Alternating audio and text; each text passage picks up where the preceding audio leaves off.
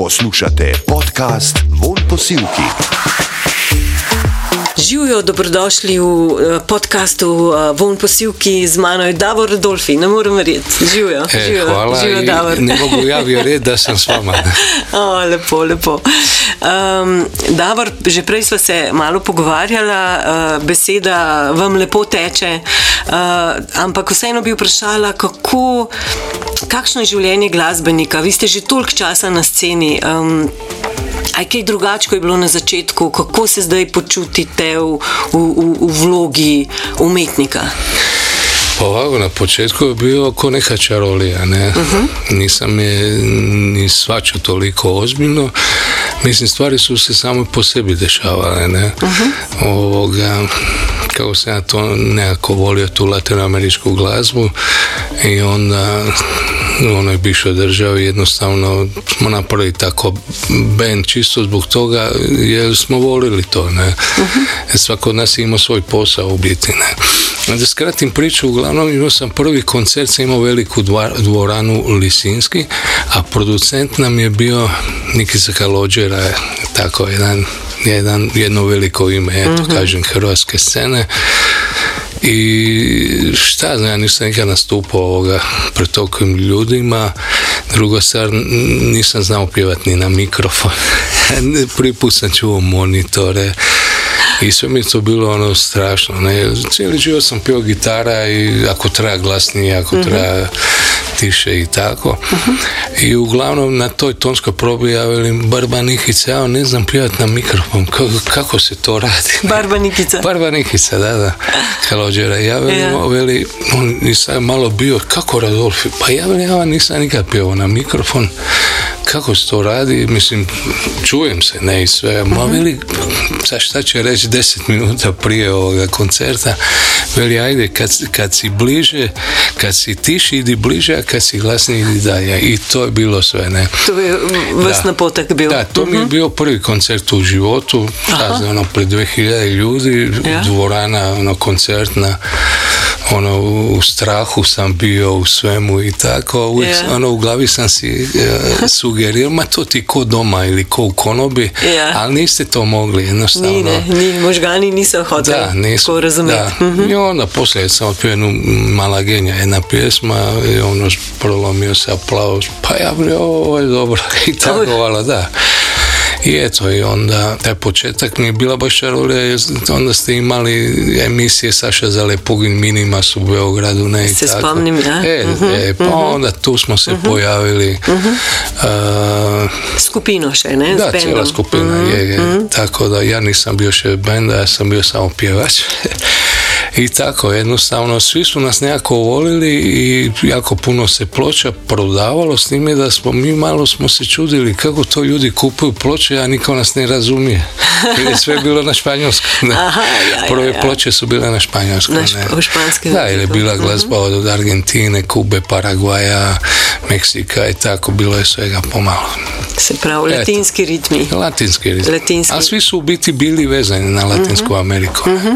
Čak je bio jedan latinoamerikanac u bendu, a on je inače iz Bolivije, a svi su ostalo bili da li s mora ili su vukli neke korijene, jer dosta ljudi s otoka je otišlo ne politički, nego ono prvi svjetski rat trbuhom za kruhom. Tako da, pa znam i u Argentini sam vidio puno i Slovenije ljudi, ne znam, Čile, dole, Uruguay i tako. Mhm. In še danes vas spremljajo te latinski ritmi. Zakaj so vam Pa- tako blizu? Pa blizu su mi zato jer sam to na neki način zavolio, odrastao i e, ja sam duboko ušao u to, govorim folklorno. Ja sviram i folklor Latine Amerike i ovako, jer da bi znali vladat sa stvarima morate proći folklorne. Znači, to su opet posebni, šta ja znam, priča napravimo ako uzmemo Boliviju, di su posljednja karnavalita ritmo, to je, dakle, to su, to su ritmovi Kečua i Mara i plemena Inka, ne, koji se i dan danas sviraju, ne, ili ne znam, Argentina ima i tango, i malambo, i milonge, nije samo poznata po, po, ovoga, po tangu. Po ne. tangu. Tako da ima to opet, imate paragvajski dio, imate braziljero, koji, brazilska glava koja je vezana Portugal, Angola, znači opet povijesno koji su bili, Portugalci su bili znači konkvistadori ili koji su pre, crnce iz Angole, tako da brazilski dio, pa vi nađete u biti elemente, evo reću ko, ljudi koji vole kubansku glazbu. Vi ćete naći, pošto većinom kubanaca crnaca dolazi iz Konga, vi ćete pojedine elemente ritma, da li je to salsa, son ili nešto, naćete još uvijek u plemenima ili u nekom iskonu u Kongu ili negdje. Tako isto Angola je prenela svoj dio u Brazil način s, s time da je jezik naravno portugalski. Tako interesantna je cijela ta Zanimljivo, ja. zanimljivo, ali morate znati povijest. Ne? La bella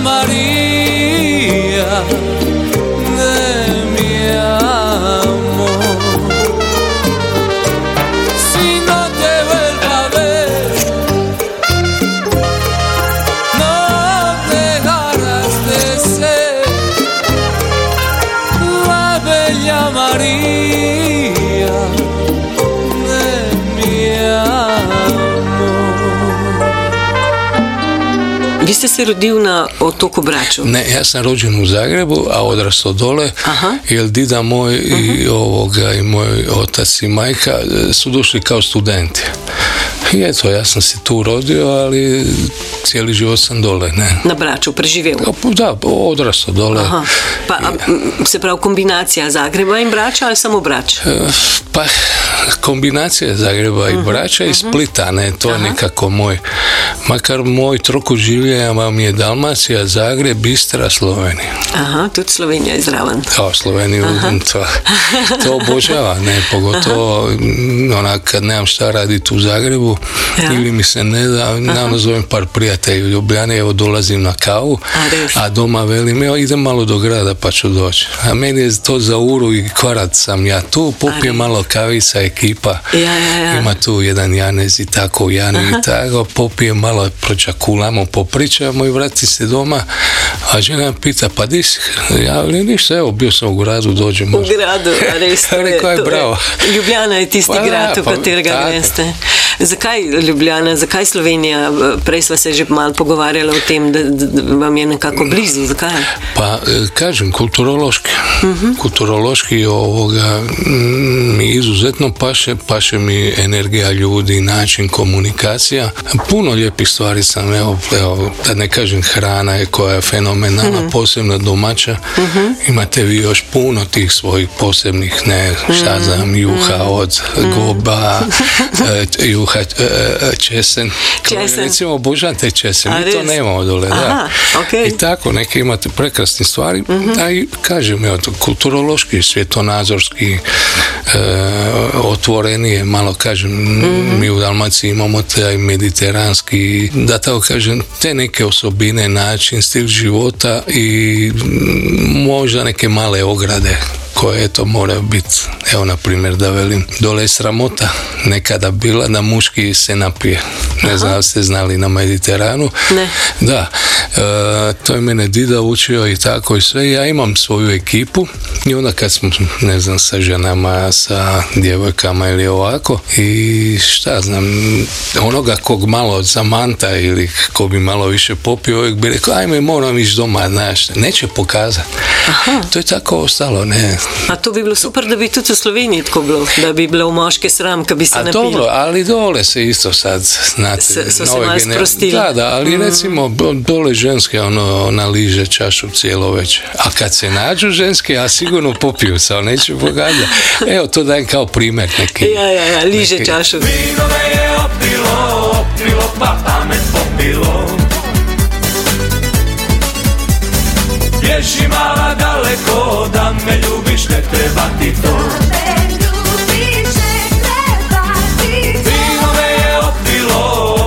pa Što je tebi trebalo, da mi sve to daješ ti zašto? Prej ste, ko ste bili v programu Radio Aktual eh, kot gost, eh, ste, ste rekel, da, da eh, smo Slovenci svetovni prvaki. A, to. Pitju. e, ne. E, To pa sad ne... Ja, to je kar malo za- zaboli, no, A ne, ampak je ne, pa. Je nisam skoraj ništa, res. ne, nisam Ja, mislio ništa ja. u lošem kontekstu, Ja, okej. nego u pozitivnom kontekstu. Aha. Pa nije sramota popita. Sramota, e, sramota ajmo reći, mislim, e, da kaže, da, evo da ovako kažem, Mhm. jednostavno popit, znat znati o vinu, znati o nekim stvarima koji su dio prehrambeni. Mi to isto u Dalmaciji smo kao prehrambeni dio, ne? Ovoga, I to je već postala kultura. Znači, to, to je tako. A da se ljudi trebaju pustiti, trebaju se. Samo govorim e, e, u varijanti ovoga livele dokle, dokle ići. Ja. Ja nisam, Moraš šta čovjek se opije, to je normalno. Mislim, e, e, reći vam zašto, to nemam pojma zašto sam to rekao, ali sam, e, zato jer mi u Dalmaciji kad dođete ljeti, Ja. mi dole ovi se radi kao radi se pod navodne znake, Ja. a vi dođete se opustiti.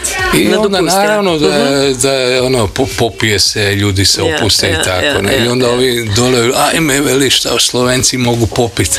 Pa ja naravno, pa zašto su i došli na ljetovanje Ja, da se opuste. ja, to pa je to pa tako, je res. tako da ništa, Ja. u- samo sam rekao u pozitivnom kontekstu. Ok, ok. Popit ću dvije, tri, vinom je varati, sve to prevoljeti. A ja popit ću dvije, tri, život ću pitati, što vara u ljubavi.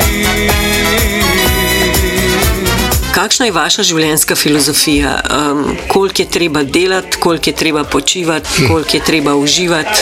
Pa nemam ja tu Ja. Mhm. filozofiju. Ja mislim da čovjek treba slušati sebe, pratiti sebe, probati ovoga, što bi se rekli energičari, posložiti svoje čahre, pa onda ovoga, a, znate, i taj razgovor sa sobom. I Mhm. nekako treba čovjek malo razgovarati sam sa sobom, jer Mhm. ovoga, onako skenirate život na neki moment. Ne? Mhm.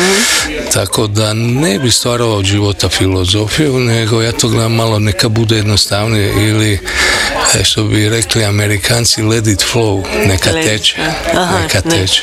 Znači prihvatite to tako. Ker sami ste pa rekli tudi, da, da, da ne delate več, ne vem, 120 koncertov na leto, ampak 30, 40 30, največ. 40, Ker da. je to, zakaj? Ker je to, Pa, ne znam, godinama ono iz grada u grad, s puta na put, Mhm. jedno, drugo i treće. Pa šta ja znam, stalo mi je malo taj dio života, jako mi stalo do familije, do eto, da s njima provedem jedan dio, da svojim prijateljima, nekad nisam imao vremena dovoljno za njih. Za neke stvari, ne. E, šta znam, da se malo sad nasmijem, moje čerke su odrasle, a zna, a nije me bilo doma. A ja sad bih tata htio vratiti ljubav, Ja, znate, ja, a ne ja, možete više onako kao, kao što su male, ne.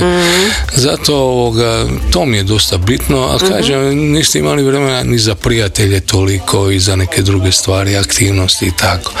I onda sam odlučio, aj, 47 koncerata, to je nekako, čini mi se, realna brojka, komotna, neopterećujuća i to sam tako. Sad da bude manje više, nećemo brojati 41 ili, će, ili 39, ili, nebitno je, ne. Ono, jednostavno tu je negdje. Um, se pravi, zaslužka je, je dovolj, tako denarja ni treba. Kaj, kako gledate Ha, na pa to? možete dinar, dinar e, tako do kraja života jurit, jurit, jurit, ne. ali što više di, dinarije jurite, oni što dalje bje- bježe od vas, ne. Dakle, život je u tome da karte vam se koji put slože, koji put se ne slože. Trebate znati čekati u životu i biti u pravom momentu. Von Posivki. V penzijo pa ne boste šli, ne? Pa penzije nema umjetnosti. Ni. Nema, ne postoji, to sam rekao, ne, kako ćete slikaru, glumcu ili ne znam, znači svi, čovjek radi dok kad je živ, dok kad diše, dok kad može i tako, tako da penziju ja imam skladateljstvo, ja imam dosta skladanih pjesama, imam ovo, imam, tako da nije tu problem, ne. 40-50 kompozicija imam koje dobijam tantijeme i ta autorska dijela, a ovoga, tako da to mi je penzija, to, to je recimo pol toga ne godišnje. Ampak se pravi, človek, umetnik, vedno, vedno ima to potrebo po ustvarjanju, po petju. Tudi eh, kitaro imate vedno sabo, da, Da. da če pride kakšna pesem, se usedete eh, in zaigrate. Pa ne samo pesem, nego kad mi dođu dobri prijatelji, dobri ljudi, pa onda ajmo pa Radolf jel bi zapio koju pa rekao naravno jer nam je lipo, ajmo, onda ja uzmem pršut ili gitaru i onda lijepo malo zapijamo, poklonim, a kad mi nije neka lipo energija onda ja i ne vadim, ne. Ali ono od malih nogu sam naučio da uvijek uz mene i tako, ali kažem, eto, desi se, puno put mi se desilo da u nekoj pauzi nečega uzimala gitaru pa mi se rodi pjesma ili neki Tako. tekst ili šta Ja, ja. znam. A je kitara večkrat z vami kot žena? E, ko žena? ja. Pa ja mislim da je gitara više sa mnom nego, nego žena. Je, ne, je. Kako je žena prenesla vse te vaše eh, odhode in gostovanja in potovanja? A je bila ona skozi doma, doma, je šla kdaj z vami, eh, vzgajala jih ščiri, ne več verjetno. Da, da, bila je mm -hmm. to. Pa ne znam, ja, ja svoju ženu držim na pijedestalu, Hmm. kao što treba i, i sve žene držati na pijedestalu. Mhm. Ovoga, jer ono što one naprave za muškoga, da krenemo od kad rađaju nadalje i sve te stvari, ja sam eto imao sreću da imam takvu osobu kraj sebe koja me, koja je shvatila, koja je tolerirala, koja kad vas nema doma i tako, a da odgoja djecu. Mislim, ne dešava se to samo meni, to se dešava 90% ljudima koji su da li glumci, da li, da li s takvim poslom da, koji se bave. Ali dobro, moja žena voli pjesmu, ona vam dobro pjeva. A res? Ja, da, onda mi ovoga i to ovoga Aha, skupaj e, skupa obavezno da, da, to pod obavezno u dva glasa pa ode malo na kvartu i tako onda i argentinske sa mnom pjeva svašta Hmm. I ovaj, to onda recimo kćeri mi su prepjeva oni su završili crkveni zbor Mhm. tako da nema problema doma pjesma je uvijek ne Ste taka glasbena družina, a a ne? znate ga u Dalmaciji ovoga, je to bitna stvar, jer su nas e, i didevi i očevi učili da nakon večere se uvijek pjeva. A res? Tako je. Mi to imamo u kulturi, pa to vidite kroz klape, kroz svega toga, ne? Mi to imamo u kulturi jer su nas uvijek očevi, da li, da li je to ovoga iza večere, ako je put iza ručka, s time da bi, na primjer, kuća do kuće, pa imate dvor, dvorište, svako ima, onda bi familije pjevali da bolje peva od susjeda. I onda bi se tako Aha, natjecali. tekmovanje. Da, tako da nama je pjesma u biti dio života. To ne mora biti profesionalno, nego jednostavno kulturološki je tako. Jer ja kad se do, dole da li u Splitu ili negdje, ono malo za frkancija, ali odmah je pjesma. Prvo je pjesma, jer nama je ljepše pjevat nego govorit. Znate, ne morate biti pametan. Ti si žena mog života Ova je pjesma tvoja Ti si žena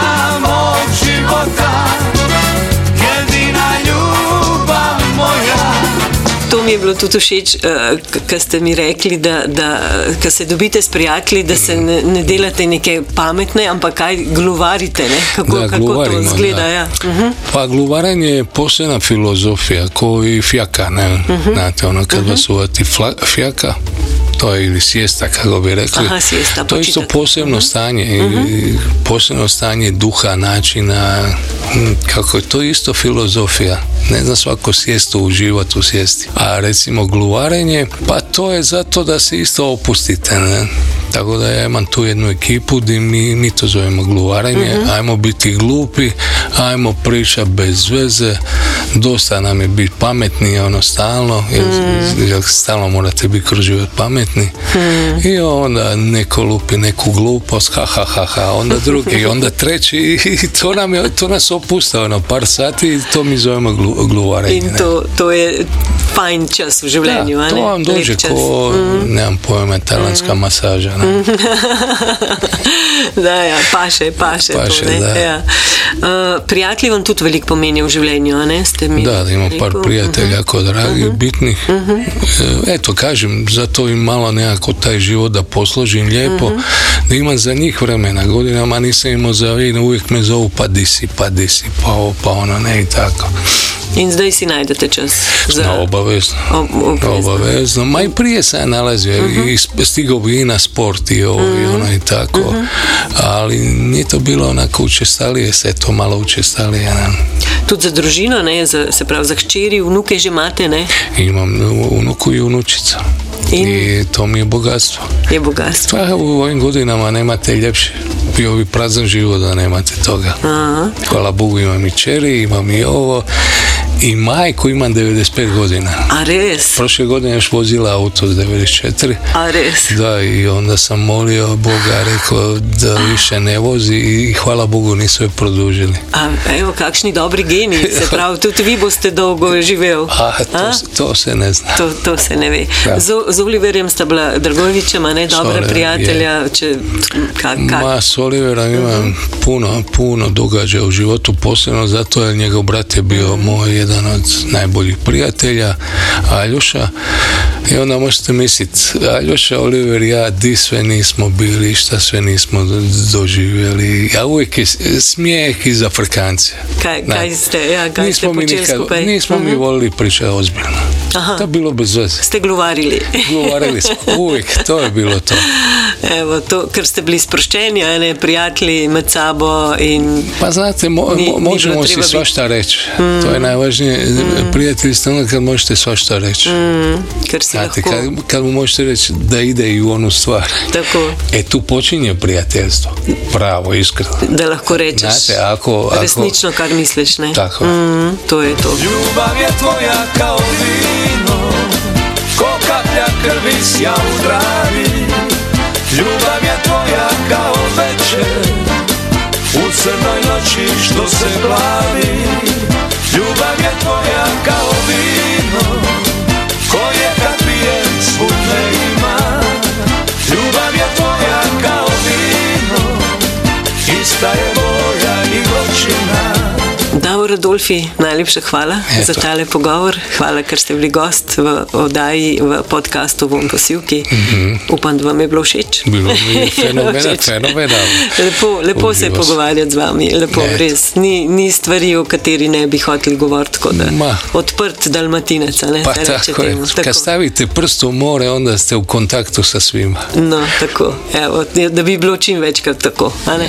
Da bi dali prst v Da, morje. pa mogu i nogu, svejedno. Karkoli, samo da je. Je, je. Ok, najlepša hvala. Eto, hvala i vama. Adijo, živijo. Pozdrav. Kada obećaš da spreman si uvijek za ljubav njenu Saznaćeš da li si ikad, ikad u istinu volio ženu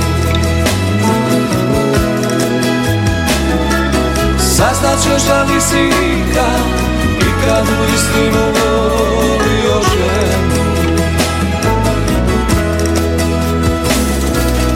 Saznaćeš da li si ikad Ikad u istinu volio ženu